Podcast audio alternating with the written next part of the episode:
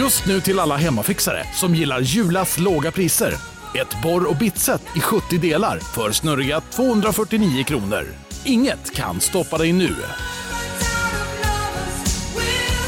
Välkommen till Momang, ett nytt smidigare casino från Svenska Spel, Sport och Casino där du enkelt kan spela hur lite du vill. Idag har vi en stjärna från spelet Starburst här som ska berätta hur smidigt det är. Jaha, så smidigt alltså. Momang, för dig över 18 år. Stödlinjen.se.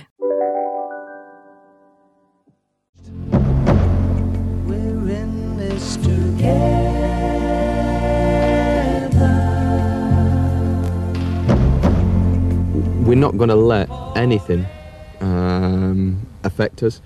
Um, and the preparation on the field um, has been tremendous. Uh, the boys are all up for it. They're all looking forward to Saturday, and we believe that with the home advantage that we've got, we have a very, very good chance of winning it. And nothing less will do. We're not in a situation where we're saying, well, if we get to the semi-finals, that's a good achievement. We can say that in July. Our aim at this moment in time is to win it. Nu Erik, är det dags för truppen. Nu är det dags för truppen, eller i alla fall för laget plus närliggande spelare. Ja.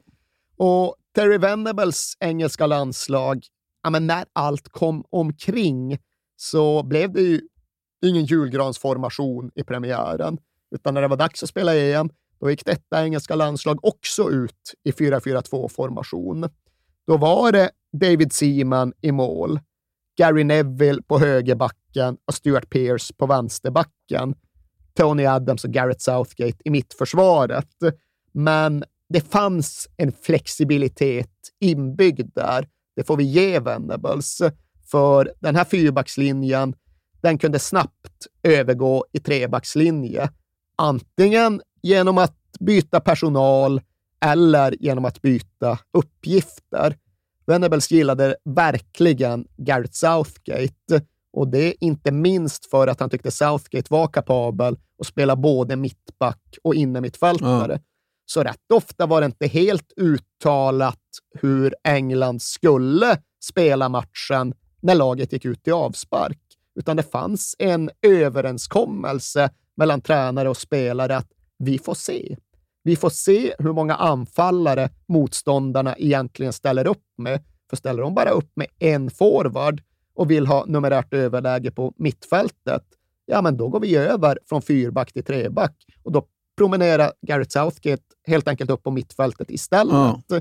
Och det var också möjligt eftersom att Venables hade en lite annorlunda syn på en trebackslinje än vad de flesta har idag. Idag är ju en trebackslinje i stort sett alltid bestående av tre mittbackar. Men på hans tid så var det en mittback och två ytterbackar som bildade en trebackslinje. Och det tyckte Venables var idealtillståndet. Tony Adams i mitten, men sen då Gary Neville och Stuart Pearce bredvid honom. Och det var så Venables ville ha det, för han var inte alls bekväm med mittbackar som kunde liksom dras ut mot kanterna och bli vilsna och bortkomna där. Nej. Utan han ville ha en mittback och så två ytterbackar bredvid honom som sin treback. Och det här var hans utgångsläge. Det var Gary Neville till höger, även om lillbrorsan Phil också fanns där som alternativ. Och så var det Stuart Pearce till vänster, trots att ursprungsplanen hade varit att köra Graham Lasaw där istället. Han var inte helt övertygad av 34-årige Pearce. Han ville ha in en yngre Lasaw, men han hade blivit långtidsskadad, Ja. så det fick lov att bli Pearce där bak Mittfältet.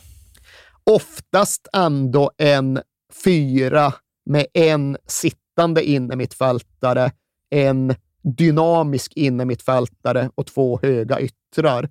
Och utifrån de premisserna så var Paul Ince den sittande innermittfältaren. Ja.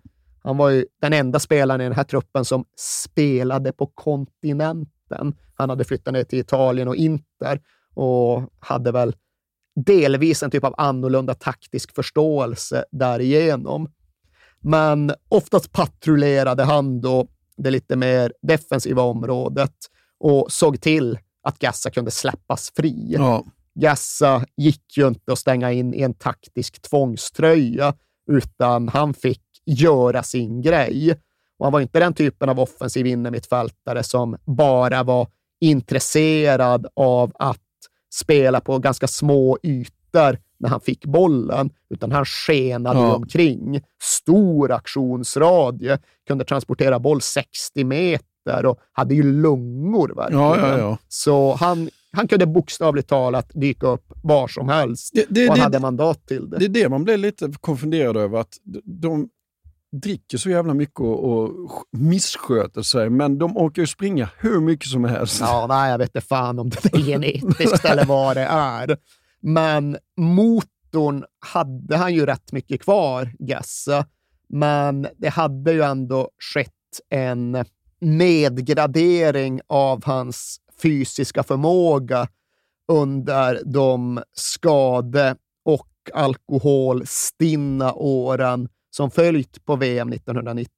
För VM 90, då var han fortfarande explosiv. Ja. Då kunde han ju accelerera förbi en motståndare utan problem. Nu hade han förlorat den tempoväxlingen i väldigt hög utsträckning och det gjorde så att det går ärligt talat inte att jämföra Gassa 96 med Gassa 90. Nej. Gassa 1990 var ostoppbar. Han kunde passera sju spelare på egen hand. Gassa 1996, det var mycket mer kortare aktioner.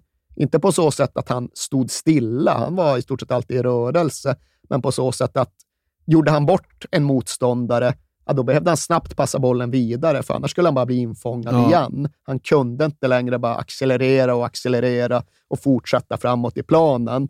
Men oavsett vilket ändå en spelare med en otämjbar begåvning som England inte hade sett på årtionden.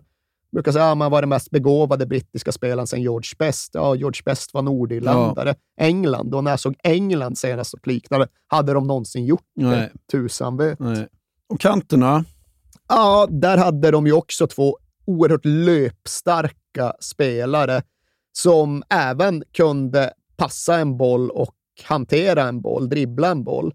Darren Anderton på ena kanten och innan skadorna tog honom så var det en riktigt, riktigt bra vägvinnande ytter Ja. som just både hade medeldistansarens löpkapacitet och kreatörens förmåga att göra poäng. Samma ord går väl egentligen att använda om Steve McManaman på andra kanten. Om något ännu lite mer kreativ. Om något faktiskt ännu lite mer löpstark. Där tror jag vissa har glömt med McManaman eller aldrig såg med McManaman för att han ser inte ut som en terränglöpare. Nej, Men en var det. terränglöpare var Ja. precis, bokstavligt talat Ja. det han var. Han växte ju upp med en, ja, han var alltså, han sprang ju tävlingslöpte när han var yngre och växte upp parallellt med en kille som hette Curtis Robb, en snubbe som sen skulle komma så här, topp sex i OS på 800 meter. Men McManaman slog ju Ja. Curtis Robb när Ja. de var yngre. Han var liksom en mer begåvad löpare än OS-finalisten och säger själv att ja, men, i grund, jag kunde inte bli trött. Nej. Jag hade inte förmågan att bli trött. Och det är en rätt Ja, användbar skön. egenskap Ja, ja. som fotbollsspelare. Så där var mittfältsfyran i premiären. Inso Gassa centralt, Anderton och McManaman på kanterna. Sen fanns det hyfsat gott om alternativ här. David Platt främst i kön. Han hade varit Englands bästa mittfältare under åren då Gassa hade annat för sig. Var ju på ett sätt en mer pålitlig mittfältare, gjorde jättemycket mål från mittfältet och hade som sagt varit kapten. Men gick inte riktigt att få in i den här startelvan. Hade gått ner lite i prestation. Och sen fanns det Spice Boy, Jamie Redknapp också där. Ja. och det är vissa som håller honom helt otroligt högt, men att han var så spelbegåvad. Han var så elegant. Han var Glenn Hoddle för en senare generation. Jag ser vad de menar, men tyckte aldrig riktigt att han var så bra. Men han fanns här som alternativ just för de tillfällen då England behövde en passningsfot på mitten. Ja. Liksom lite det David Beckham sen skulle komma att bli, men ah, samtidigt också på ett annat sätt. Ja. Steve Stone var där också. Allt annat än en Spice Boy. Ja. En skallig liten ettrig terrier från Nottingham Forest som man därför har lättare att gilla. Ja. Och anfallet? Ja, alltså även där gott om riktigt starka alternativ. Robbie Fowler må ha varit a lad med allt vad det innebar, men han var även the God i Liverpool. Ja. De älskade ju Robbie Fowler med all rätta, för det var en så oerhört naturlig avslutare. Och jag tror han har gjort så här 30 Premier League-mål den här säsongen. Ja. Precis som Les Ferdinand, som ju vann priset som Premier Leagues bästa spelare för alla mål han vräkte in i Newcastle. Men ändå fick ingen av dem starta och det fick inte heller väldigt spelkloka Nicky Barnby göra, för anfallsduon skulle ju vara Teddy Sheringham och Alan Shearer. Ja. Teddy Sheringham, den lite mer droppande anfallaren som inte kunde springa, men som lät spelet göra jobbet. Så jävla smart fotbollsforward. Och så då Alan Shearer som var en målmaskin i England som, jag vet inte, han hade väl gjort så här 30 Premier League-mål tre säsonger i rad. Men paradoxalt nog torr i landslaget. Ja, det var 12 matcher eller något va? 12 matcher som sträckte sig över mer än tusen minuter och två kalenderår. Ja. Hade knappt ens gjort mål under Terry Venables. Hade inte gjort mål för England på två år och var på så sätt i någon form av så här förstärkt Marcus Berg-situation. Ja. Alla visste ju att det här var en nyttig, spetsig anfallare, men alla såg ju samtidigt att ja, men Karn gör ju inga mål.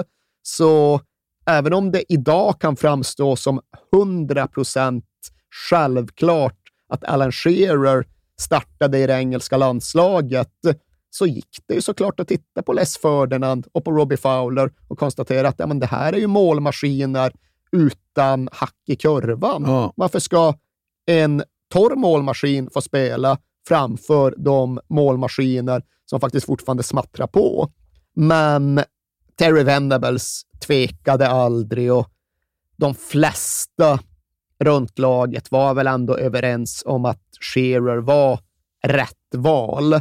För om nu England skulle kunna gå riktigt långt i turneringen, då var det ju de här ja, men lite mer osäkra korten som behövde visa sina rätta färger.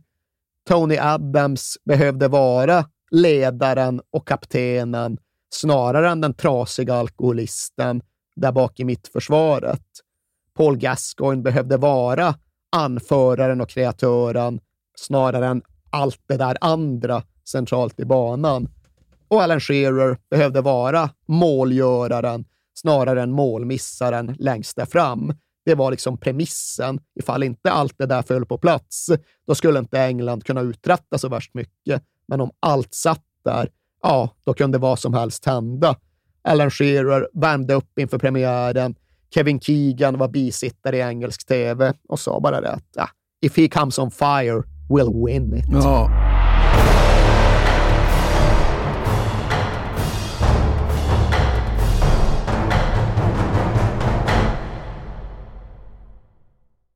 Jag vill inleda med att säga att det är garanterad jackpot på 13 miljoner på Stryktipset. Och fy fasen. Ja, visst. Skulle du behöva 13 miljoner eller? Ja, det skulle jag verkligen. Men vi måste säga först att vi är ju sponsrade av Stryktipset. Ett spel från Svenska Spel, Sport och Casino för dig över 18 år. Yes, och stödlinjen.se finns där för dig om du har problem med ditt spelande.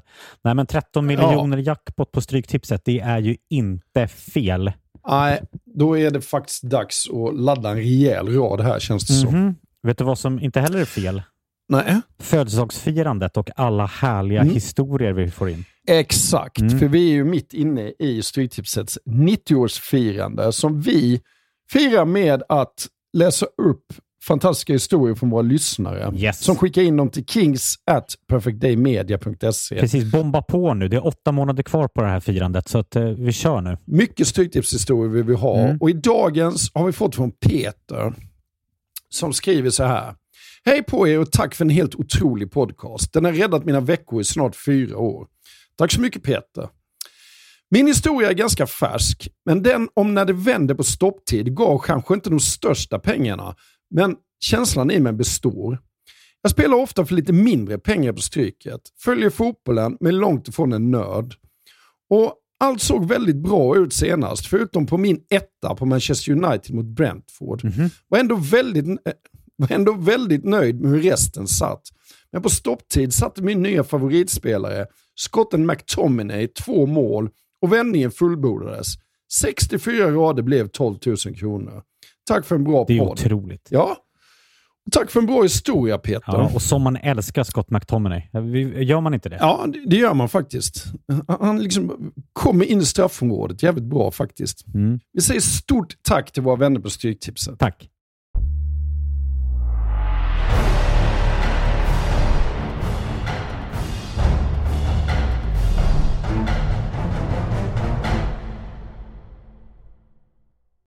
Och den 8 juni 1996 var det äntligen dags. Eh, första matchen mot Schweiz. Ja, och rätt mycket av den där premiärdagen blev annorlunda än det borde ha blivit. Blev sämre än det var tänkt att bli. Och det gick ju ja, men hela vägen från öppningsceremonin fram till slutsignalen.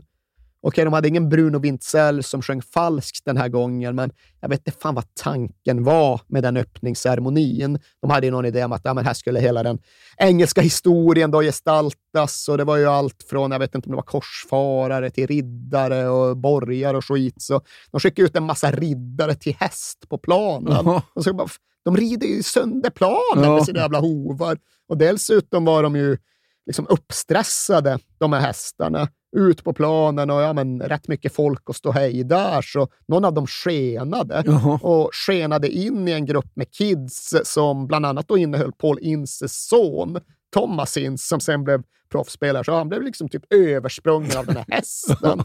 Så precis innan premiären, jag bara, vad fan, min son är skadad av era jävla springare. Paul Ince, ja, han hade anledning att inte vara i perfekt balans in i matchen. Nej. Sen är det ändå Paul Ince som hittar fram till en knappt offside-springande Ja. Alan Shearer och på så sätt ger England öppningen in i turneringen. Shearer borde visserligen, enligt fotbollens alla regler, bara passa bollen parallellt till Teddy Sheringham som i så fall hade haft helt öppet mål. Men det struntade en skyttekung på måljakt i, med rätta. För Shearer vräkte ju upp den där bollen högt upp i målvaktens närmsta hörn, bröt sin egen måltorka, gav England en flygande start. Och nu då? Nu är väl grejerna uppe och rullar. Men när då? Det var inte alls så matchen sen kom att utvecklas. För England hade ledningen, men England hade fan inget annat. Inget spel, ingen kontroll, ingen energi, utan Schweiz bara åt sig in i matchen, tog tag i matchen, tog över matchen, borde ha kvitterat redan före paus. Har du sett den missen av Marco Grassi? Ja, du menar den från en meter rätt upp i ribban? Eller? Ja, två meter Ja. kanske, men absolut. Ja, jag menar den missen. Ja, den är helt osannolik. Och eh, Schweiz ja, borde verkligen ha kvitterat långt innan de verkligen gjorde det. Nu blev det först med knappt tio kvar som Stuart Pearce fick bollen på handen i straffområdet. Domaren blåste och Tyrk Yilmaz rullade dit bollen. Men det gick liksom inte att säga något annat än att Schweiz jag låg närmast segern, hade ytterligare någon bra chans i slutet av matchen och premiären blev verkligen ett stort sportsligt antiklimax för England. Var det inte bättre än så här? Var det, var det inte mer än så här? Och hur var snacket mellan matcherna då? Som man hade kunnat vänta sig, höll jag på att säga. Uh, Venables, ja, det var väl ytterligare ett så här drag som fick andra delar av fotbolls-Europa att höja lite på ögonbrynen, för han gav ju sina spelare två dagar ledigt Ja. direkt efter premiären. Ja, men åk hem, åk iväg, gör vad ni vill. Bara det är lite märkligt, men det blir ju extra märkligt när sen ja, de engelska spelarnas sätt att göra vad de ville skilde sig från vad spelare från andra länder kanske hade gjort. Ja, det var nattklubb va? Det var nattklubb såklart. Det var Teddy Sheringham, Jamie Redknapp och en anonym mittback som heter Sol Campbell som eh, drog på Faces i Essex och satt där med bärs klockan 02.30 och blev såklart fångade på bild. Ja. Och därtill så var det såklart Gassa. Gassa, det var hela sin show. Han drog hem till då sin flickvän, till Cheryl, och trodde Ja. han skulle få lugn och ro där. Och det kan man ju verkligen tycka, det borde han väl ha fått, men lugn och ro fanns inte riktigt runt Gascon under den här tiden. Så det var ett stort medieuppbåd och ja, Gassa skulle hantera det på sitt sätt och det går ju alltid dit det går.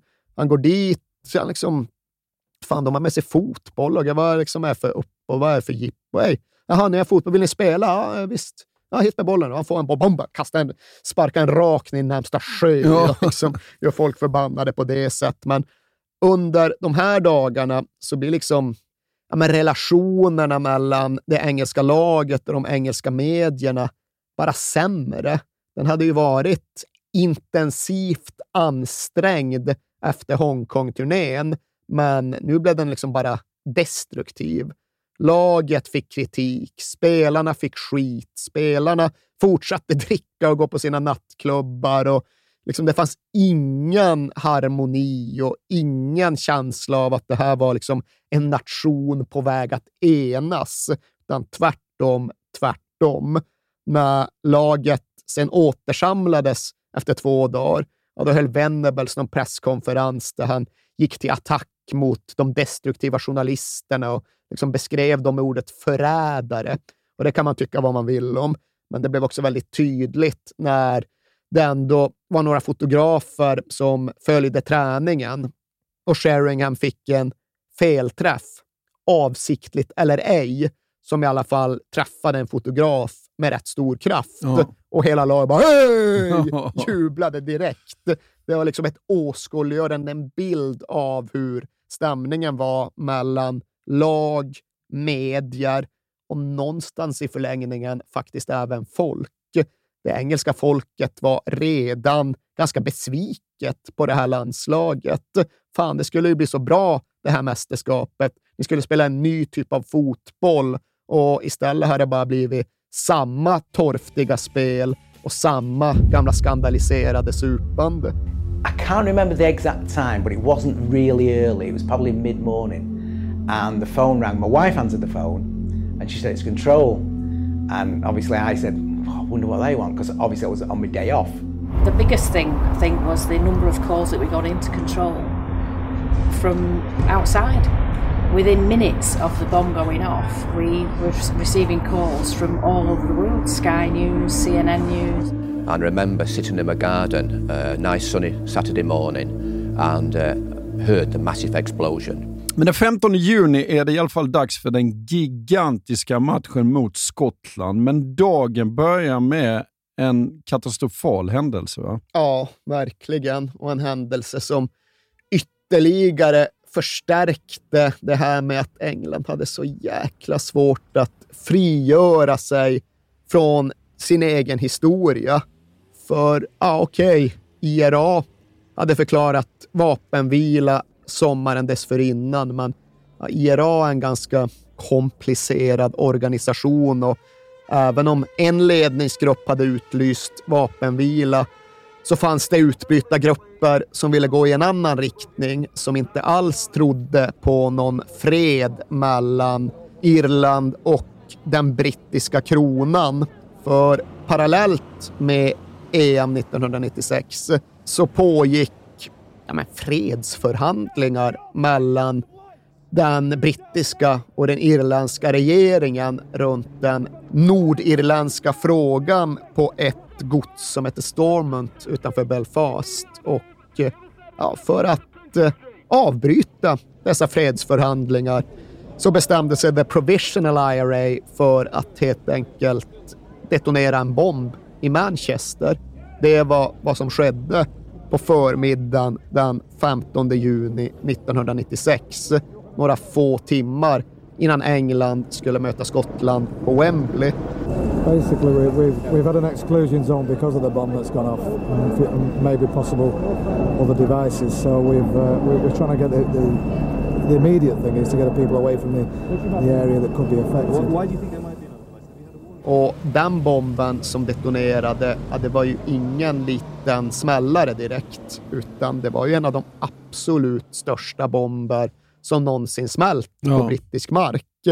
Om jag fattar deras viktkvantifieringar korrekt så är det alltså en bomb på ett och ett halvt ton. Ja. Och det låter ofrånkomligen som att en sån innehåller rätt mycket sprängkraft.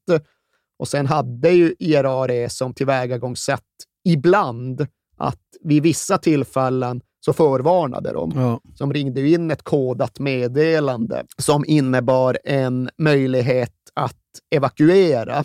Det här var då en bomb som hade placerats utanför Arndale, det stora köpcentret i Manchester. Och polisen hann evakuera kvarteren runt den. Men när väl bomben smällde av klockan 11.17 så var ju kraften enorm. Och lyckligtvis dog inga människor, men trots att ja, det var avspärrningar en kvarts kilometer i alla riktningar så regnade det ju ner så mycket splitter och bråte och glas att det var fler än 200 pers som Ja. skadade sig, trots att då de befann sig bakom avspärrningarna. Ja, givetvis, givetvis var det här en händelse som skakade om hela nationen och om något tycker jag faktiskt att det är påtagligt och lite märkligt att inte EM påverkades mer. Nej, för att eh, jag var tvungen att... Det var först när jag läste på som jag bara, jaha, hände det? Ja, Jag hade- hände jag hade det helt då? glömt. Ja, Liksom? jag- jag minns den här bomben Ja. väldigt väl. Och den kom ju att innebära liksom hela renoveringen och regenereringen av Manchester stadskärna. Men jag sa, ja, det är ju fan mitt under EM. Matchdag. Ja, och dagen efter spelade ju Tyskland på Old Trafford. Ja. Klins, Jürgen Klinsmann sa, eller, ja, hela laget var i chocktillstånd, så de var ju nästan förberedda på att matchen skulle ställas in, skulle Ja. turneringen avbrytas. Och då var det ändå fråga om en match en dag senare. Men ja, tre och en halv timme efter bomben så var det England-Skottland på Wembley och som det verkar inte något riktigt fokus på säkerhetsfrågor, inte någon särskild diskussion om ifall ja, men saker och ting skulle förändras. Skulle matchen skjutas upp? Skulle den ställas in? Skulle arrangemanget, upplägget på något sätt behöva vara ett annat? Nej, rätt mycket bara mullra på Ja. som om inget särskilt hade inträffat. Men ändå, klockan tre så är det avspark. avspark för ja, men den mest traditionsbärande fotbollslandskamp som överhuvudtaget kan spelas. Det är på ett sätt lite före min tid. Det var aldrig en stor del av min fotbollsuppväxt, men under oerhört lång tid så ramades ju hela fotbollsåret i Storbritannien in av att Skottland och England möttes i en landskamp på våren. Det var lika självklart och på sitt sätt lika stort som fa Cup-finalen. Ja. Det var en sån där sak som verkligen fanns i kalendern, som ringades in i kalendern och som då skedde varje år mellan 1872 och 1989. Varje år som möttes England och Skottland fram till det att de inte kunde göra det längre. Fram till det att huliganismen runt de här matcherna blev omöjlig att kontrollera. Och bilderna som alltid används runt matcher mellan England och Skottland, det är de som togs på runt Wembley 1977 när Skottland vann och de måste ha 50 000 med sig ner till Wembley och efteråt så stormade de planen och liksom knäckte målställningen och bar hem stolparna och Ja. allting. Men det var ändå någonstans eh, in good spirits. Ja, ja, liksom. ja. Det var Ja. inte ett våldsamt upplopp, men våldsamma upplopp skulle ju komma under 1980-talet. Och efter då att ha spelat mot varandra i, vad fan blir det, 117 år i rad, eller något i den Ja. stilen, så gick det inte längre efter 1989. Matcherna upphörde och det är då i den kontexten som den här EM-matchen spelas. Efter först mer än ett århundrade av rivalitet och nu sju år av uppehåll så ska England och Skottland mötas igen. Och de ska faktiskt för första gången någonsin mötas i ett mästerskap. Jaha. Alla de här 117 landskap, ja det var ju liksom Själva såg de det som en tävlingsmatch, men det kunde lika gärna kategoriseras som en träningsmatch. Det var ju inte så att det stod någonting på spel, Nej. förutom den brittiska äran. Men nu skulle de då mötas i ett mästerskap och båda lagen låg ju lite pyrt till. Om något så hade väl Skottland större skäl till tillförsikt än England, för där England hade tappat två poäng mot Schweiz hade Skottland vunnit en poäng efter 0-0 mot Holland. Och kanske, kanske, kanske ändå skulle det här kunna bli året. Skulle det här kunna bli mästerskapet? För det är också en sån där väldigt skotsk claim to fame att ha. Landslaget som visserligen har kvalificerat sig för rätt många mästerskap, men som aldrig överlevt ett gruppspel. De Nej. Aldrig vidare, Skottland. Men Nej. kanske, kanske den här Ja, gången. men rätt okej lag ändå. Absolut. Mycket folk från ja, men några nyckelspelare från Premier League. Colin Hendry hade vunnit ligan. Gary McAllister hade vunnit ligan några år tidigare. Och så ja, men en stor, stort gäng från Gassas Rangers som ju var riktigt bra på den här tiden. Och en hel del dugliga komplementspelare. Så, ja, men helt okej. Och på så sätt sportsligt intressant och som nämnts då sportsligt och historiskt uppskruvat. Och det här hade inte varit den era det var utan någon form av popkulturellt aktualiserande heller. Filmen Braveheart som onekligen använts ganska ofta Ja. när det kommer till rivaliteten mellan Skottland och England. Ja, den hade precis haft premiär. Ja. Tror det var året före eller något i den. Så den var, hela Braveheart-retoriken var ny. Ja. Kändes fräscht att klä upp Colin Henry som William Wallace. mycket. Ja. Ja, jävlar vad enkelt. Så jo då, det var upppiskat och det gick att hantera på olika sätt. Det var inte så att till exempel Gascoigne behövde skruvas upp, utan här var det ju det här med att ah, nu måste vi lyckas skruva ner honom. Och de tyckte ju själva att de hade hittat något i det här med att ta med Gassa ut på fisketur. Ja. För det gav honom någon typ av nedvarvning, någon sorts lugn. Men hur skulle de lösa det här en dag när det var avspark klockan tre? Det är inte så att de hinner iväg och fiska med honom innan det är dags att åka till Wembley. Så vad fan ska vi hitta på? Jag vet vad de gjorde, eller? ja, men alltså de gjorde fiske badkaret eller något sånt där va? Brian Robson gjorde någon typ av leksaksspö åt honom. Tog någon liten pinne och liksom satte dit en tråd med ja, något bluffflöte. Och sen lät de då på morgonen Gassa sitta på hotellrummet och låtsas fiska i badkaret. Ja. Och sen tar de med skiten till Wembley, där de ju har sådana här stora spelarbad. Ja. Får han ju sitta och låtsas fiska där också. Så här tre kvart innan det är dags att möta Skottland i EM. Sitter Gassa och låtsas fiskar i spelarbadet. Alltså det är okej att det här är 25 år men kunde inte någon ändå inse att den här killen behöver liksom en diagnos? Ja. Nej, det är ju helt Han behöver hjälp. Kunde inte någon Ja. också ha insett att vi vill gärna ha stillbild, eller ännu hellre rörligt, på det här Ja, låtsasfiskandet? verkligen. Få lite vaken. Ja, Sepp Maier borde ha varit med i England. ja. Matchen då? Jo, men som man kan vänta sig när det är liksom brittisk stormatch, när det var brittisk stormatch, alldeles oavsett om det var klubblag eller landslag på den här tiden, ja, det blev ju ofta så fysiskt och så mycket kamp att det knappt återstod någon fotboll. Före avspark buade Wembley åt Flower of Scotland så att ja, men hela allsången kom helt ur synk. Och sen visslade domaren i pipan och Alan Shearer dunkade in en glidtackling på Colin Hendry efter sju sekunder. Ja. Och in i den här matchen, liksom BBC som sände, de hade väl lyssnat en del på Terry Venables prat om ett liksom flexibelt och mångfacetterat England. Så i sin tv-grafik ställde de upp den engelska elvan i en 3-1-1-3-1-1-formation. Jaha. Men riktigt så sofistikerat såg det ju sen inte ut när matchen pågick, trots att Gareth Southgate tryckte upp på mittfältet. Ja. Första halvlek är händelselös. Om något är Skottland lite bättre och England förlitar ju sig, hoppas ju väldigt mycket på Gassas kreativitet.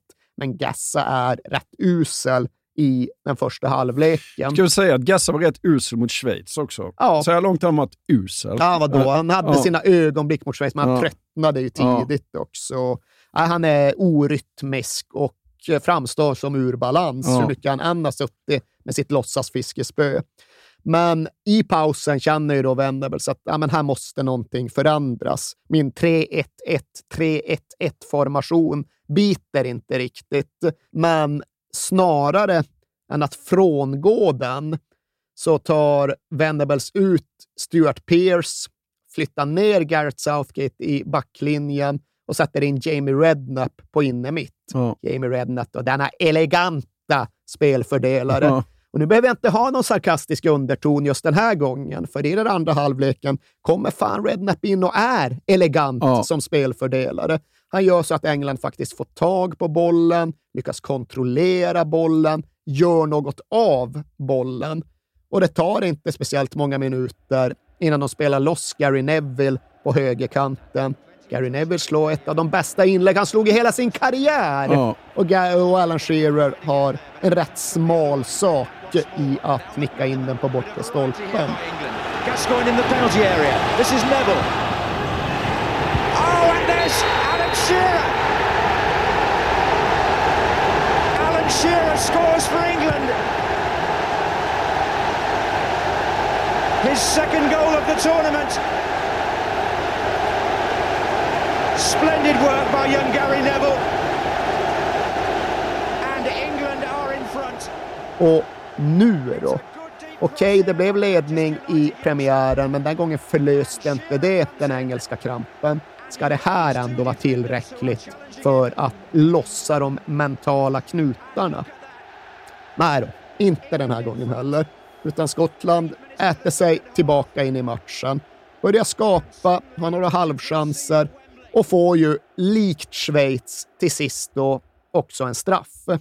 Och här är det bara drygt tio minuter kvar och här framstår det verkligen som att turneringen är på väg att glida ut ur engelska händer. För blir det 1-1 den här gången också, ja, då är det två poäng och dåligt spel in i en i så fall avgörande match mot Holland. Det Ja. kommer de ju aldrig klara. Nej. Så här är verkligen farhågan att hela mästerskapet står på spel när Gary McAllister placerar bollen på straffpunkten och knallar tillbaka för att ta sats. Och vad händer då?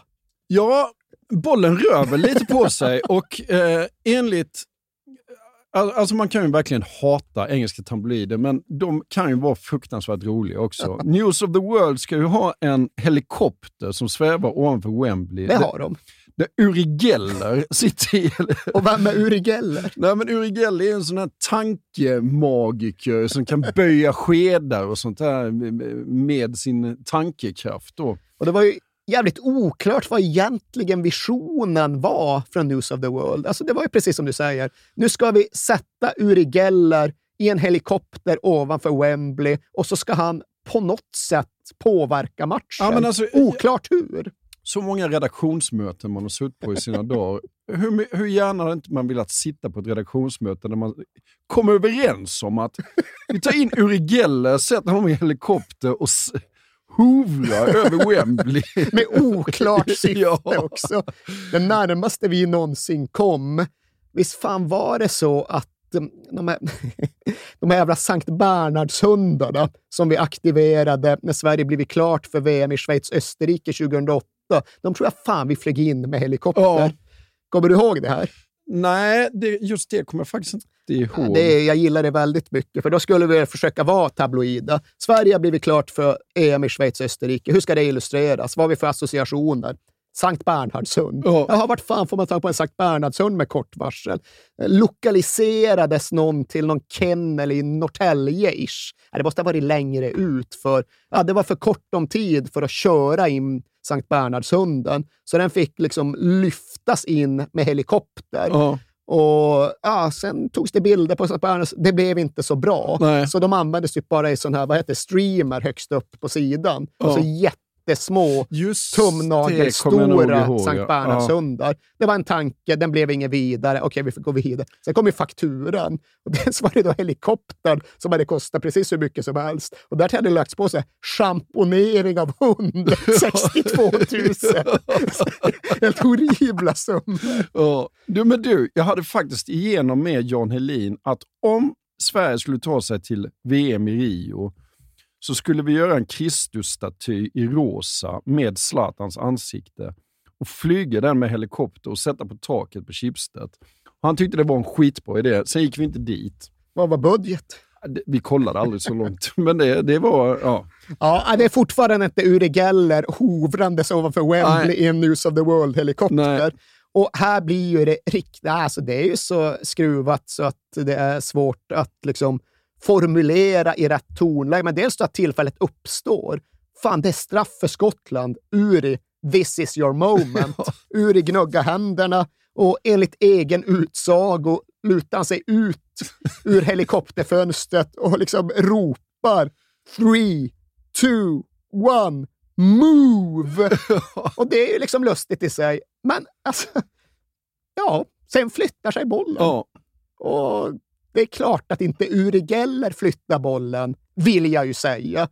Jävligt oklart vad som flyttar bollen, för det är ingen gropig plan, Nej. mattan på Wembley. Visst, några hästhovar på premiären, men den, den är jämn. Ja. Det blåser inte nere på gräsnivå på Wembley. Liksom. Det kommer inte några vindpustar dit ner. Det sugs upp av läktarna. Så jag har ingen aning om vad som får den där bollen att flytta på Har, har sig. du sett tv-bilder där bollen flyttar sig? Absolut. Jaha, för det, jag, jag kollade lite igår. Jag, jag jo. såg bara vanliga matchbilder. Nej, nej, så för är man det finns tydligt rörligt och den flyttar sig inte mycket. Den flyttar sig inte så att Gary McAllister liksom knappt träffar bollen, utan Gary McAllister träffar med en ren vrist. Men med en, jag ska säga att den flyttar sig, den kanske flyttar sig två centimeter. Jaha. Så han får en lite annan träff än vad han annars hade fått. Det är lite märkligt, fan Gary McAllister med sin bollträff, att han skjuter så pass mitt på simen som han ändå Ja. gör, kändes konstigt. Ja. Jag har oerhört högt förtroende för Gary McAllisters Det har jag också.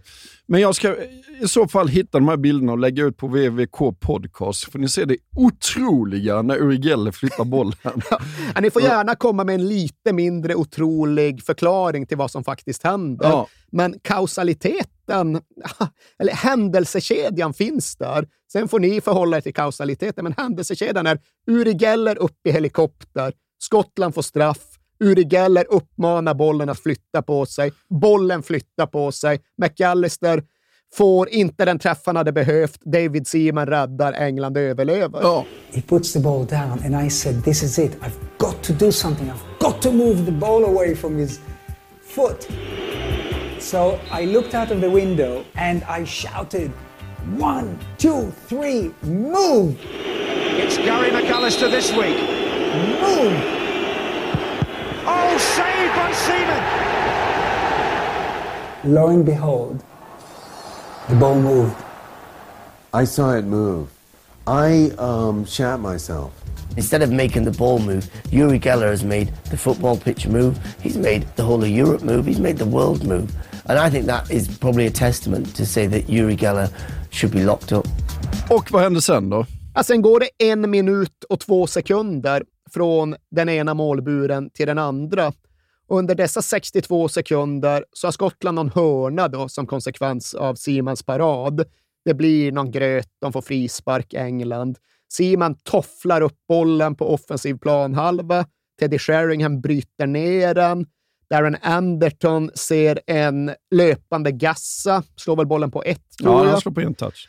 Gascoigne, ja, han får bollen utmanad av Colin Henry och han lyfter bollen över Henry, får skotten att ramla och drar dit den i närmsta hörnet på volley innan någon annan hade upp, hunnit uppfatta någonting.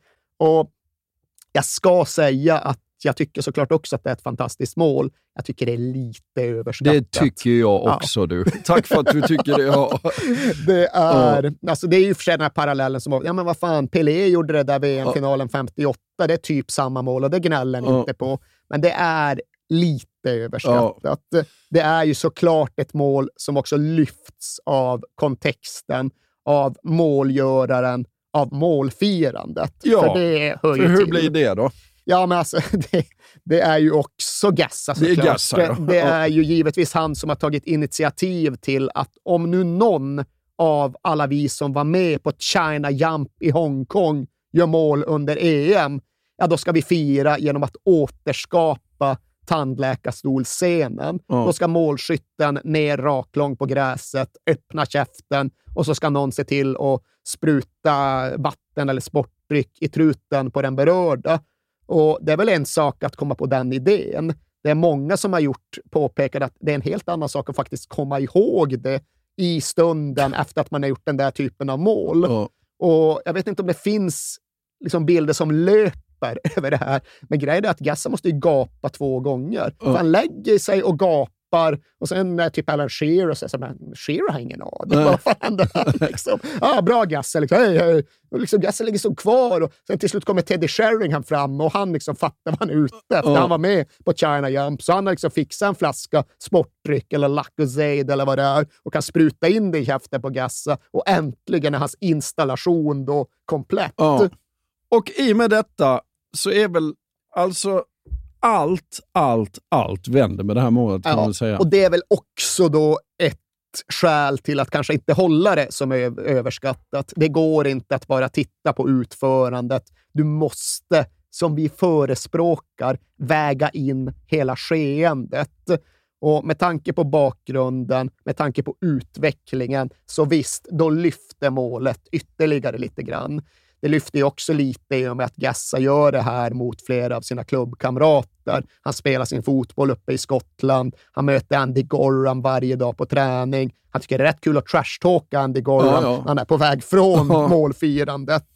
Men det som gör att ja, men till exempel en, en sansad man som Stuart Pearce håller det här som Englands greatest ever goal. Ja. Det är väl kanske framför allt ja, men vad det gör med den här turneringen, den här sommaren, den här historiska perioden. För som vi har försökt måla upp så var ju EM 96 på väg mot ett gigantiskt antiklimax. Någon typ av deppigt fiasko tills Uri Geller flyttar bollen och Gassa använder bollen. Men nu kan de ju kontrollera hem en 2-0-seger och eftersom att de har fått det här omslagsbildsmålet så går det att liksom hitta något att hänga upp all den här förväntan och alla de här förhoppningarna på.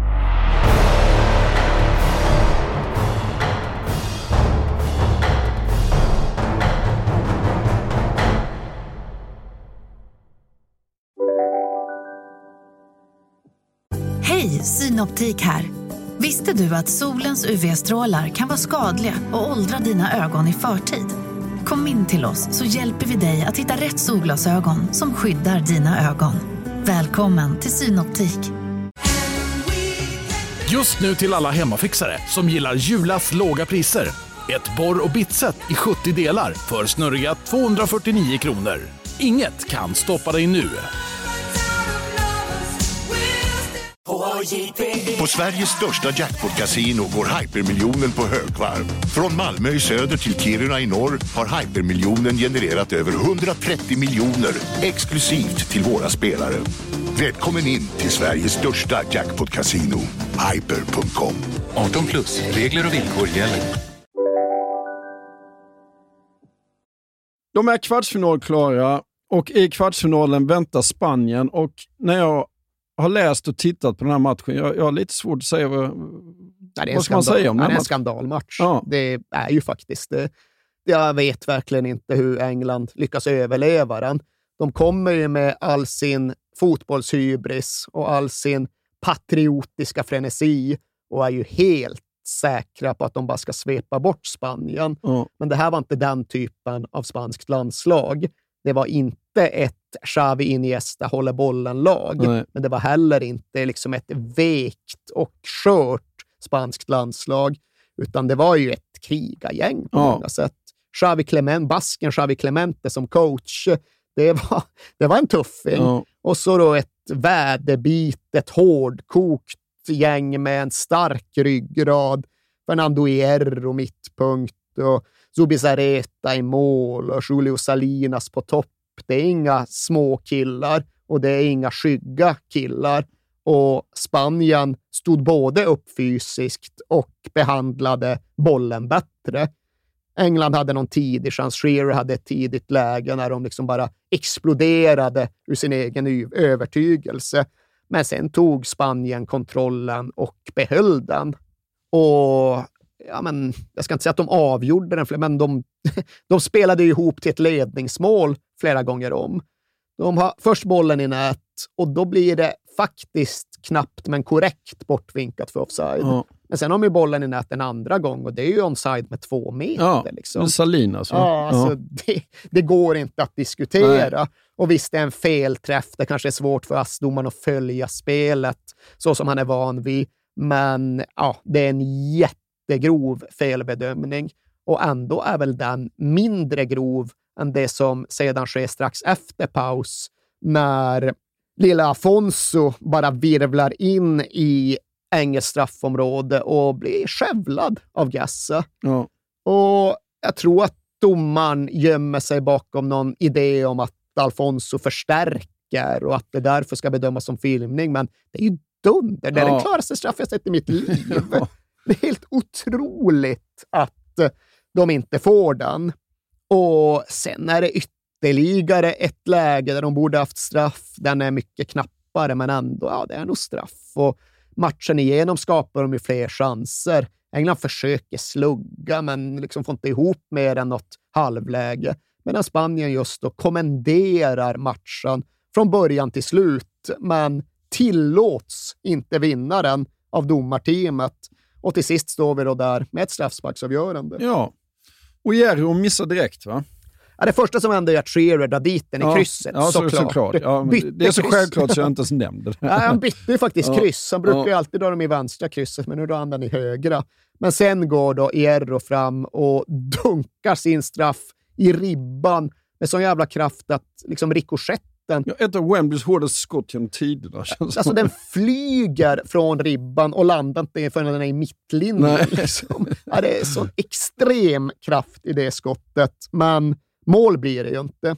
Sen byts det lite bollar. David Platte placerar in Englands andra straff. Guillermo Amor gör mål för Spanien. Och det är därefter det då blir verkligt intressant. För då kliver ju Stuart Pearce fram. Och hans patriotiska frenesi är en sak, men den måste ju kompletteras med vetskapen om vad som hände i VM 1990, då England och Västtyskland bytte straffmål om en plats i VM-finalen fram till det att Stuart Pearce går fram och drämmer bollen på Bodo Ilgners ben och England förlorar. Ja. Och det där var ju såklart något som påverkade Pearce på ett både djupt och varaktigt sätt. Det var inte bara det att han hade hånats på varenda bortaarena där han hade spelat under år som följde, utan det var ju också någonting som satte sig i honom. För utifrån hans bild av att stå upp för nationen så hade han ju någonstans svikit sitt land. Ja. Och det fanns inget värre i Stuart Pearces värld än att svika sitt land. Och när nu Terry Venderberg skulle liksom samla ihop skyttar till det här straffsparksavgörandet så blev han ju överraskad när Stuart Pearce gick fram till honom och sa att han ville slå. Ja. Are you fucking sure? Ja. är det som Venable säger. Ja. Och Pearce replika, har aldrig varit så säker på någonting i mitt liv. För ja, han hade sitt värdesystem och i det ingick att eh, stå upp för drottning och nation, göra sitt för landet, men också att göra sitt gentemot sig själv. Och så som Stuart Pearce såg på sig själv och sitt eget ansvar så krävdes det att han gjorde detta. För som han själv uttryckte det, han hade inte kunnat leva med sig själv om han hade stått vid mittlinjen och sett på när någon annan missade, när någon sämre lämpad spelare missade för att han inte hade vågat. För Stuart Pearce var ju en erfaren och skicklig straffskytt. Ja. Okej okay för missen i VM 90, men hans vänster var ju en bombkastare. Ja. och han drog ju dit boll efter boll för Nottingham Forest. Så om han avstod nu så skulle det inte ha att göra med hans förmåga, utan det skulle ha att göra med hans mentala styrka. Och där tänkte inte Pierce vika ner sig gentemot sig själv. Han predikade alltid inför sina närstående att det spelar ingen roll ifall du misslyckas. Det spelar roll ifall du inte försöker. Och han kände, han kände sig tvungen att skjuta. Han kände att plikten kallade och han tog bollen och han gick fram för att slå Englands tredje straff. Det var liksom inte nog med ödesmättad symbolik med det, utan till saken hör ju också att Pierce hade egentligen Wembley som sin egen lokala hemmaarena. Han kom från de här kvarteren, han växte upp i de här kvarteren. Han brukade extra jobba på Wembley som tonåring. Han brukade alltid åka förbi arenan med 83ans buss när han slet som elektriker och amatörfotbollsspelare samtidigt. Och nu stod han där på platsen, på planen och skulle skjuta sin absolut viktigaste spark någonsin. Och David Seaman, ah, han höll på med sitt. Han skulle rädda straffar. Han var liksom inte in i tankeprocessen bakom Englands skyttar, utan han såg bara Stuart Pearce komma marscherande fram mot straffpunkten och tänkte med sina egna ord Oh my God. och i det läget struntade han liksom i England, i EM. Han såg bara Stuart Pearce och kände att för hans egen skull så har han aldrig någonsin i sitt fotbollsliv önskat att en spelare ska göra mål så mycket som han önskade det då. Och David Seaman tittade med öppna ögon, men uppe på läktaren stod ju då Stuart Pearces fru Liz och hon kunde inte titta. Nej. Hon kollade bara bort, för det här gick inte att följa med öppna ögon. Men ja, Stuart Pearce, det är bara att, liksom, det är bara att höja på, på baskern för det är ju ingen tvekan han går Nej fram med direkt. Nitar dit bollen och firar med kraft. Pumpar med armen rätt hårt va? Ja, vrålar oh. on med rätt stor jävla inlevelse. Nobody really wants to see him miss it. he hasn't! Three out of three for England! He smacked it in, he didn't place it, he whacked it right in the bottom corner, which was brilliant. Face contorted with joy and relief and all the agony pouring out of him that had been there before. It was it was ridiculous. He looked like a mass murderer, all in the same moment as he looked like, you know, a conquering hero. He goes straight to the England fans because it's almost as if he's got his identity back. This kind of punching gesture in the air. It's more than just emotion erupting from him. He's got his persona back. Ja, de ådrorna i halsen, de får kämpa när Pierce pressar fram ja, men någon typ av personligt vulkanutbrott eller som han själv beskrev det, en inre jordbävning. Ja. Och om nu Gassas och Alan Shearers mål blev höjdpunkterna på den engelska EM-sommaren, då var nog det här det allra mest laddade, det allra mest uppumpade ögonblicket. Och Pierce brukar berätta om hur han än idag liksom får skriva sin autograf på den där bilden där han står och skriker. Men, I alla fall någon gång i veckan. Ja. Just den enskilda bilden har kommit att symbolisera så mycket. Men själv har Pierce valt en annan bild att ta med sig. Han är ingen som hänger upp matchtröjor i sitt hem, men han har hängt upp en bild från sin egen karriär. Och det är bilden på när han lägger ner bollen på straffpunkten inför att skjuta den här straffen.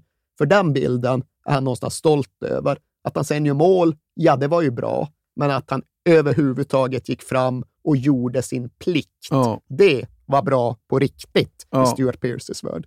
Och sen, ja, hur fortsätter det då? Ja, sen byter de mål några straffar till och sen ska Miguel Angel Nadal gå framför Spanien och försöka rädda läget. Om han gör mål, då måste Teddy Sheringham sätta Englands sista. Om han missar så är Spanien ute och Nadal missar. David Seaman räddar.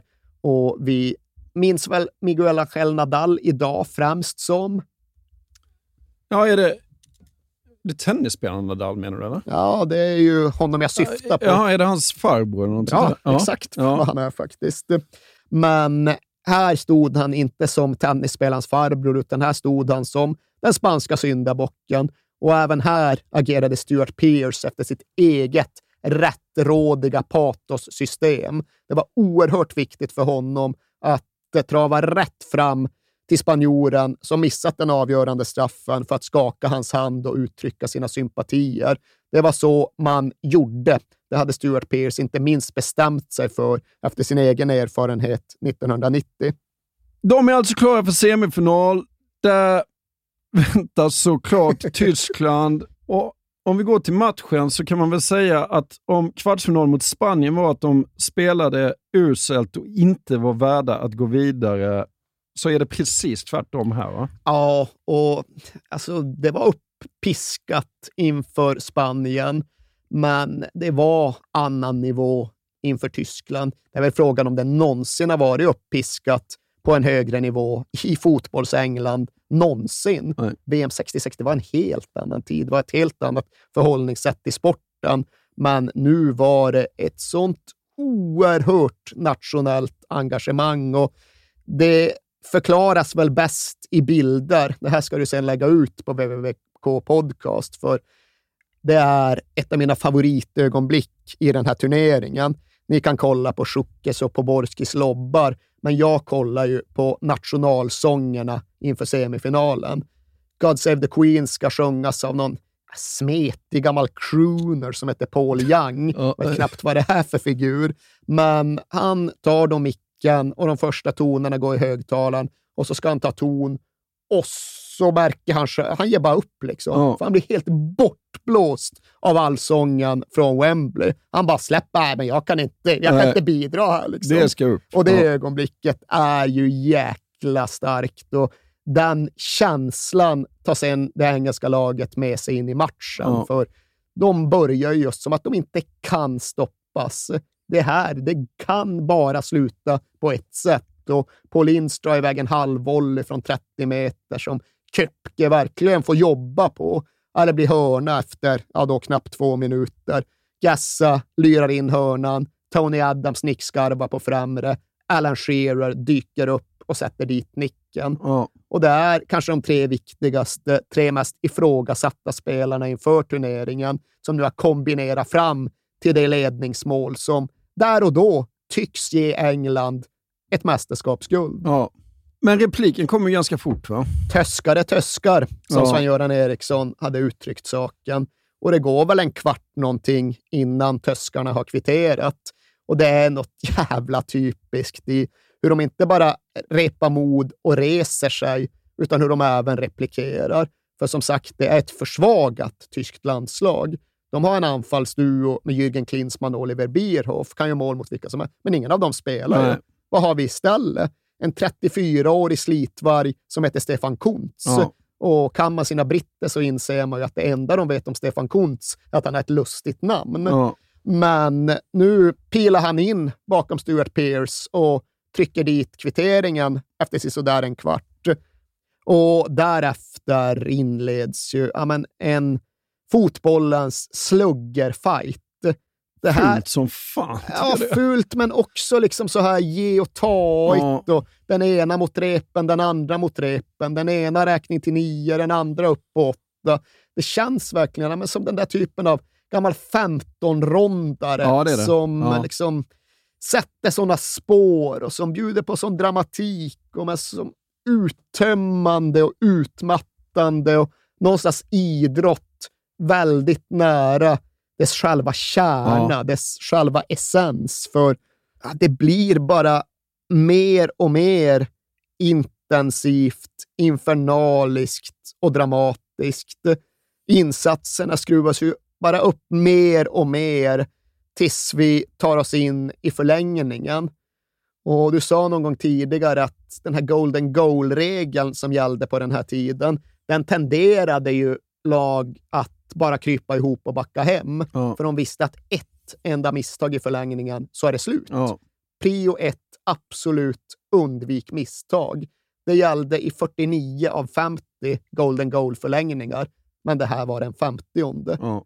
Ingen backade, ingen drog sig tillbaka. Båda lagen fortsatte forcera framåt och båda lagen fick ju bett i anfallen. De fick utdelning på att de spelade offensivt, för de fortsatte skapa chanser. Och det fanns såklart jättestora ekon från VM-semin 1990 den här gången. Det var också en episk förlängning.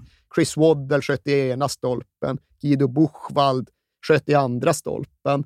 Men det här var den förlängningen upphöjd till två. Det var ännu fler chanser, det var ännu större chanser. Det var en ännu tydligare känsla av att här och nu skrivs historia samtidigt som vi tittar på. Det minns jag att jag kände redan när jag såg matchen 96 Mm. och det intrycket har inte försvagats. Och det är ju en bild som mer än något annat ramas in av de här två stora, de här enorma, de här målgivna engelska lägena som kommer och passerar. Först då när Steve McManaman kommer loss på kanten och liksom bara någonstans plötsligt inser att jaha, men där står ju Darren Anderton för, helt ensam framför tomt mål. Ja. Ja, vi får väl se till att Anderton får bollen. Och det får han. Bollen förbi Köpke. Det är Anderton ensam framför tomt mål. Men passningen är slagen lite bakom Anderton. Eller för den delen, Anderton har löpt lite för långt framåt snarare än att vänta in passningen. Så när han bara ska raka in den i tomt mål måste han liksom hämta den lite bakom sig och då går det inte att bara... Då måste han vrida fot och skott och lyckas inte göra det riktigt tillräckligt mycket och bollen slår i insidan av stolpen. Och det var ju mål. Och precis på samma sätt så är det ju mål några minuter senare igen. Här ska det ju förstås att det har redan varit mål mitt emellan de här två sekvenserna. För Tyskland får ju bollen i nät efter en hörna. De får träff med en nick. Gassa står på linjen, försöker rädda med handen, men bara tippa upp den eget kryss. Men signalen har gått. Ja. Anses vara knuff i... Tycker du det var det? Jag tycker att det är en sån situation där domaren blåser rätt ofta. Och här blåste han tidigt. Han blåser Ja. innan bollen är i nät. Men I've seen them given, Ja. herrejösses. Men det är inte som Spanien. Det är Nej. inte Alfonsos Nej. straff för det. Men den är inte alls given. Nej, den är inte Typ. given, Nej. men jag tycker ändå just det är lite mer förlåtande gentemot en kanske lite hemmafärgad domare, att han i alla fall blåser innan bollen är på väg att gå in i nät. Ja. Men det hade kunnat avgöras där. Det borde absolut ha avgjorts minuterna därefter. Och det här är ju de allra mest klassiska scener som det här mästerskapet eh, innehöll. Och det säger någonting om det engelska, att det är nästan läget, det definitiva misslyckandet, det mest försmädliga misslyckandet som de vårdar mer än någonting annat. Och ja, Ska du dra den? Nej, det är bättre du gör det. Du gör det mer målande. Ja, det vet tusan, men Ja. det är ju ett överlångt inlägg som når Alan Shearer som, jag vet inte, skulle du säga att han skjuter? Han slår ett pressat inlägg, skulle jag säga. Alan Shearer drar bollen på ett. Kanske försöker han skjuta och få bollen för mycket på insidan. Kanske så är han så pass skicklig att han bara vill slå den parallellt med den tyska mållinjen. För det är möjligt att han har uppfattat att Paul Gascoigne är där vid bortre stolpen och går bollen bara i hans riktning så är det helt tomt, helt öppet mål. Två meter ut går inte att missa. Men när han drar bollen så läser Köpke den träffen tillräckligt väl för att försöka skära av den, för att liksom bara liksom lägga sig på bollen innan den når Gascoigne. Men han når inte riktigt fram. Han kan bara liksom nudda den och ta den någon centimeter ur sin bana. Och grejen här är ju att Gascoigne, han har någonstans sett allt det här ske och processat situationen i realtid. Ja, det kommer bollen, Schürrer har slagit, den där jävla Köpke kommer rädda den. Okej, ja, men då så på väg fram så inser han att det här kommer förmodligen den tyska målvakten att avstyra. Så då avbryter han sin löpning för en tiondel. Ja. Och när sen bollen ändå passerar Köpke ja då är han precis just den tiondelen för sen. Jag vet inte fan om det ens är en tiondel. Är det en hundradel? Ja, det kan det nog vara. De säger en skostorlek. Ja, ja. det är centimeter, det är millimeter. Ja. Jag tror till och med han touchar bollen Ja. med sin framsträckta bollsko. Och här är han alltså två meter ifrån ett helt tomt och övergivet mål, men lyckas inte nå bollen tillräckligt för att stöta in den. Och det där är ju liksom, ja, det brukar tjatas om the sliding doors moment, Ja. liksom det där enda tillfället då tunnelbanedörrarna slog igen precis innan du hann dit och sen förändrades historiens hela riktning. Och så är det väl för Paul Gascoigne personligen. För England som fotbollsnation. Hade han bara stött in den där bollen, ja, då hade de ju Ja, då hade de ju vunnit semin. De hade ju förmodligen vunnit turneringen. Ja. Paul Gascoigne hade för alltid varit en nationalhjälte som därtill kanske hade kunnat hitta lite frid i sitt Precis. liv. Och ja, Det var inte så att han själv inte hade sett drömscenariot framför sig. Du, du har noterat vad de hade planerat för det här målfirandet? Nej. Eller? Nu, de visste, det här var ju golden goal, liksom, så de behövde inte tänka på att bollen skulle tillbaka i spel. Utan skulle de göra ett golden goal, då hade Gassa bestämt att då skulle alla i laget springa ut från planen, in i spelartunneln. Och Wembley stort så är ganska långt. Ja. Lång spelartunnel, vidare in i spelartunneln, eh, in i omklädningsrummet, ner i badet, det här stora jävla badet. Ja. skulle de plaska runt ett tag. Sen skulle de upp, göra något mer skit och sen då tillbaka ut på plan Ja. för att ta emot jublet. Ja. Jag vet inte fan vad det skulle symbolisera, men det var bestämt. Det Ja. skulle göras. Gassa, han var definitivt inne på att detta skulle ske. Men nu blev det inte så. Nej. Nu blev det inget mål och Gassa, Venables, alltså de flesta som var med säger det att ja, när de får frågan, hur ofta tänker du på det där? Varje dag. Ja. Varje dag.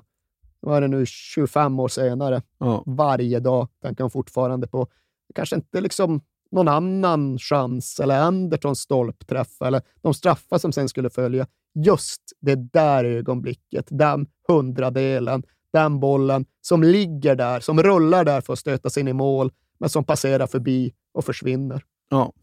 Och så blir det såklart straffar. Och de skickar ju fram samma gäng som mot Spanien och det slutar ju precis som det gör mot Spanien varenda gång. Okej, Shearer bry- byter kryss igen, men det är klart han hittar krysset. Platt placerar dit sin boll den här gången också. Pierce byter hörn, men sätter dit bollen samlat och kontrollerat. Ja. Gascoigne, inga problem in i burgaveln. Sheringham, upp med bollen i krysset. Alltså Englands fem första straffar är ju perfekta. Ja, ja. Inte ens nära en miss. Nej. Men kruxet är ju bara att töskar är töskar. Ja. Och de är inte heller här nära att missa. Hässler dunkar dit den efter marken och sen drar de upp bollar i kryssen mest hela tiden. De också. Det är väl en straff som Reuter. Reuter straffar Ja. Shearer, eller Simon handen Ja. på. Och ja, kanske, men det går ju liksom inte att säga att det är en sån straff han ska ta. Nej, nej. Det är liksom hyfsad höjd på den också. Ja. Men att till slut, England går ju först, så de har satt alla sina fem. Och då går Stefan Kuntz av alla människor fram och vet att ja, men nu är det vinna eller försvinna. Jag måste sätta den här straffen, annars är det över. Och Stefan Kuntz går fram och bara nitar dit bollen i krysset. Det är ju någonting. Det är ju det. Och sen är det ju också någonting det här med att England hade tränat på straffar. England hade blivit bra på straffar, men England hade någonstans inte tänkt på eventualiteten att det faktiskt kan bli mer än fem straffar. De hade gnuggat med fem skyttar egentligen hela turneringen igenom. Och de hade haft någon liten reservation för Stuart Pearce, kommer han verkligen slå? Men inte förhållit sig till den. De hade fem skyttar och David Seaman och sen hade de inget mer. Nej. Och nu har alla fem skjutit, nu ska ni skjuta vidare. Brian Robson, du som har varit ansvarig för det, vad händer nu? Ja jävlar, det var en bra fråga. Eh, någon som vill skjuta lads, liksom. Ja, Paul Ince, du borde väl skjuta? Jo, men Paul Ince hade suttit med ryggen vänd mot straffarna genom hela avgörandet så här långt. Han tycktes inte riktigt vara kapabel att Nej. skjuta. Tony Adams, hur är det med dig? Ja, jo, kanske, men... Han hävdar ju själv att ja, men jag Han var, var redo att göra liksom. det, men Ja. att han blev över... Att, Ja, Nej, men det som hände var väl typ att Ins och Southgate var inblandad i en diskussion i en del och Tony Adams diskuterade med Venables i en annan del av Ja. Och då kom Ince och Southgate fram till en kompromiss att okej, Ince, du får skjuta, men du behöver inte skjuta den, du får slå sjunde, så tar jag sjätte. Och då har väl liksom Adams redan ur den ekvationen. Så det var det som blev sagt, att Southgate får slå sjätte, Ince får slå sjunde och sen får väl Adams ta det som finns kvar Och därefter. Southgate var ju sugen. Han var sugen som en annan Anders Svensson-figur. Ja. Nej, men han hade väl bra självförtroende, men det är lite märkligt att han hade det, för han hade ju inget facit. Han hade skjutit en straff som professionell fotbollsspelare. De missade han för Crystal Palace mot Ipswich och Palace åkte ur. Så jag vet inte fan vart den där övertygelsen Nej. riktigt kom ifrån. Men plötsligt står han då där med bollen i händerna och nationens öde vid fötterna. Och det är ju intressant att liksom lyssna på allt kring hur han upplevde det. Men framför allt är det egentligen en skildring som har stannat kvar i mig. Och det var när Southgate pratar om hur liksom alla hans sinnen var maxade när han gick fram för att ta den där straffen. Man kan ju tro att ja, det finns bara tunnelseende, det är bara en sak som existerar. Och Southgate beskriver som att ja, men tunnelseendet fanns där, men samtidigt var allt så vidgat att jag kunde ta in allt annat också. Hyperfokuserad på straffen, exakt vad som skulle ske, hur man skulle bete sig, men samtidigt även en person som liksom, mycket folk på Wembley. Fan. Värst vad mörkt det har blivit. Alltså, det var ljust när vi började, sen började det skymma, men nu är det helt jävla svart. Ja. Jag ser på tusen. Och det lyckas han på något sätt processa parallellt med att han går fram för att skjuta straffen. Och det var inte att hans fokus flackade, det var bara att hans fokus var expanderat. Ja. Han var inne i någon form av övermänskligt tillstånd när han kunde hantera fler intryck än vad han någonsin kunnat annars, vare sig förr eller senare. Men det var inget som hjälpte honom Nej. så värst mycket, för ja, straffen är ju vad den är. Ja. Den är skjuten utan övertygelse, ingen riktig riktning på den, ingen fart på Nej. den, ingen höjd på den. Det är en enkel räddning för Köpke.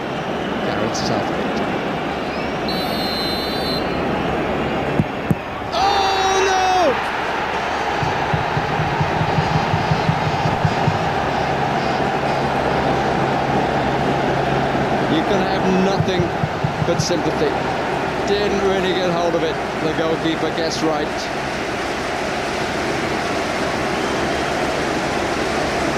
Poor fellow. Poor coach. The other players going to try and console Gareth Southgate, but there is no consolation unless he can be saved by David Seaman. Gascoigne can't believe it. It's all down to David Seaman who faces Andreas Muller, scores. The Germans go through again. England again suffer the torment of losing in a penalty competition in a semi-final to the Germans. Och sen ska visserligen tyskarna slå in sin boll ifall det där ska kosta matchen, men det finns inte särskilt mycket tvivel kring huruvida tyskarna ska slå in sin boll. Nej. Andreas Möller, och det är också någonting, konstaterar engelsmännen ut. Andreas Möller, han är deras stora kreativa stjärna. Men han har ju blivit varnad under matchen och han vet att han därmed är avstängd i finalen. Och hur var det när Englands stora kreativa stjärna blev varnad på det sättet 90? Agassa tappade ju greppet totalt. Ja. Lineker ville ju typ ha honom utbytt och det var aldrig på tal att han skulle kunna slå en straff, för han var bara helt väck. Ja. Möller, det är liksom, jaha, det blev så. Axelryckning, går fram, dunkar in bollen Alltså, högt i taket. hans straff är lika hård som Jerros, bara det att den är två centimeter lägre. Han darrar inte på den där manschetten som det brukade tjatas om, utan han dunkar dit bollen. Allt är slut, allt är över. Tyska sektionen adopterar på tyskt maner Football's coming home och sjunger det resten av kvällen. För den delen även vid hemkomsten och firandet som ett annat jävla finskt hockeylandslag.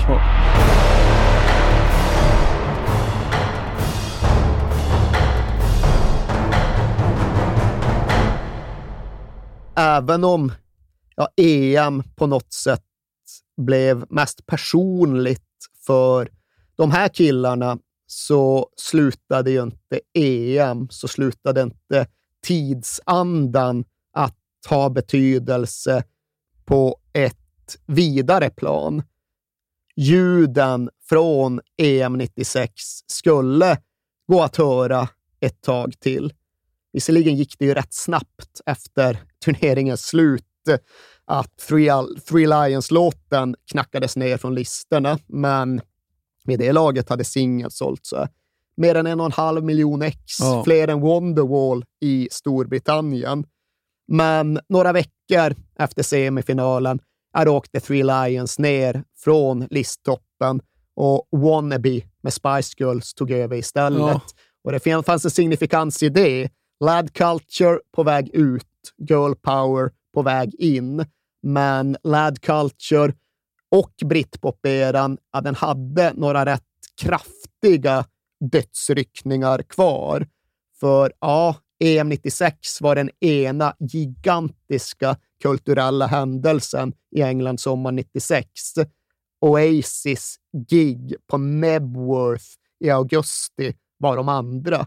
För det var inte klokt hur stort det var. Nej. De spelade då med en massa andra britpop-supportakter två kvällar på det enorma jävla fältet vid Nebworth. Och det var ju en kvarts miljon människor ja. som kom för att kolla på. 125 000 per kväll. Och det är lite olika uppgifter kring hur många biljetter de egentligen hade kunnat sälja. Vissa uppgifter, och det är de jag tror på, är de gällande att de fick in 2,5 miljoner biljettansökningar. Ja. Det är rätt många. Ja. Det finns andra som påstår att en femtedel av den brittiska befolkningen sökte biljett. Och det låter ju bra, ja. men jag vet inte fan Nej. om det riktigt var så. Men där står Oasis och de flyger in i helikoptrar med sitt Adidas gear på sig och de sparkar ut jättefotbollar i publiken när de går på. Och det är liksom inget snack om att det där är, ja, men det är deras EM-semi. Ja. Det är där allt kulminerar. För sen går det inte så där jättemånga veckor innan Oasis och hela britpop-prylen faktiskt börjar plana ut och sen falna ifrån. Men vi har ju hela tiden någonstans utgått ifrån att fotbollen hängde ihop med musiken som hängde ihop med politiken under den här perioden. Och i oktober 96 så var det dags för Labours partistämma i Blackpool. Och nu är de ju bara några månader bort ifrån det parlamentsval som till sist ska ge dem makten tillbaka. Och nu har Alistair Campbell fått en ny idé. Vad ska egentligen Tony Blair säga i det här viktiga, definierande talet? Och gör så här, säger Alastair Campbell. Och så gör även Tony Blair. Han går ut där och så säger han Labour's coming home. 17 years of hurt never stopped us dreaming. Labour's coming home. Oh. Och ett halvår senare så tog de makten för första gången sedan 1979. Och det går väl absolut att påstå att det var först där som 1980-talet i Storbritannien definitivt tog slut. Sen går det i och för sig att hävda att 1990-talet sedan tog slut bara några månader därefter, för Storbritannien går in i en ny tid, i ett nytt stämningsläge, i en ny verklighet när prinsessan Diana dör.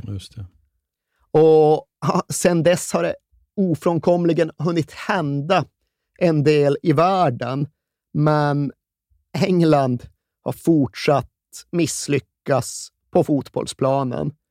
30 years of hurt blev 40 years of hurt, blev 50 years of hurt och ingenting bra hände ju egentligen för landslaget tills den där killen som missade den där straffen till sist ledde The Three Lions till en semifinal igen i VM 2018, 22 år senare. Men smärtan tog ju inte slut där. Okej, okay, för att Garrett Southgate och hans lag uträttade något beundransvärt, men det blev bara en semifinalförlust till. Det blev bara ännu ett R att lägga till samlingen. Men nu då? Nu då? Nu står vi ju där och nu står Gareth Southgate och nu står England där igen. Och om bara några veckor så kan ju England spela semifinal på Wembley igen. Och nu kan de göra det i en nation som tycks vara nästan ute ur pandemin och som väntar på energi och på entusiasm och på enighet och på fotbollsframgång. Och vi får se hur det går med allt det där. Men om bara några veckor, då finns möjligheten för en sommar att sjunga. En möjlighet att till sist få historien att läka ihop. Everyone seems to know the score. They've seen it all before. They're so sure that England's gonna throw it away, gonna blow it away. But I know they can play, cause I remember three lines on the shirt. Jules Rimet still gleaming. 30 years of hurt. Never stop me dreaming. Den här podcasten är producerad av Perfect Day Media.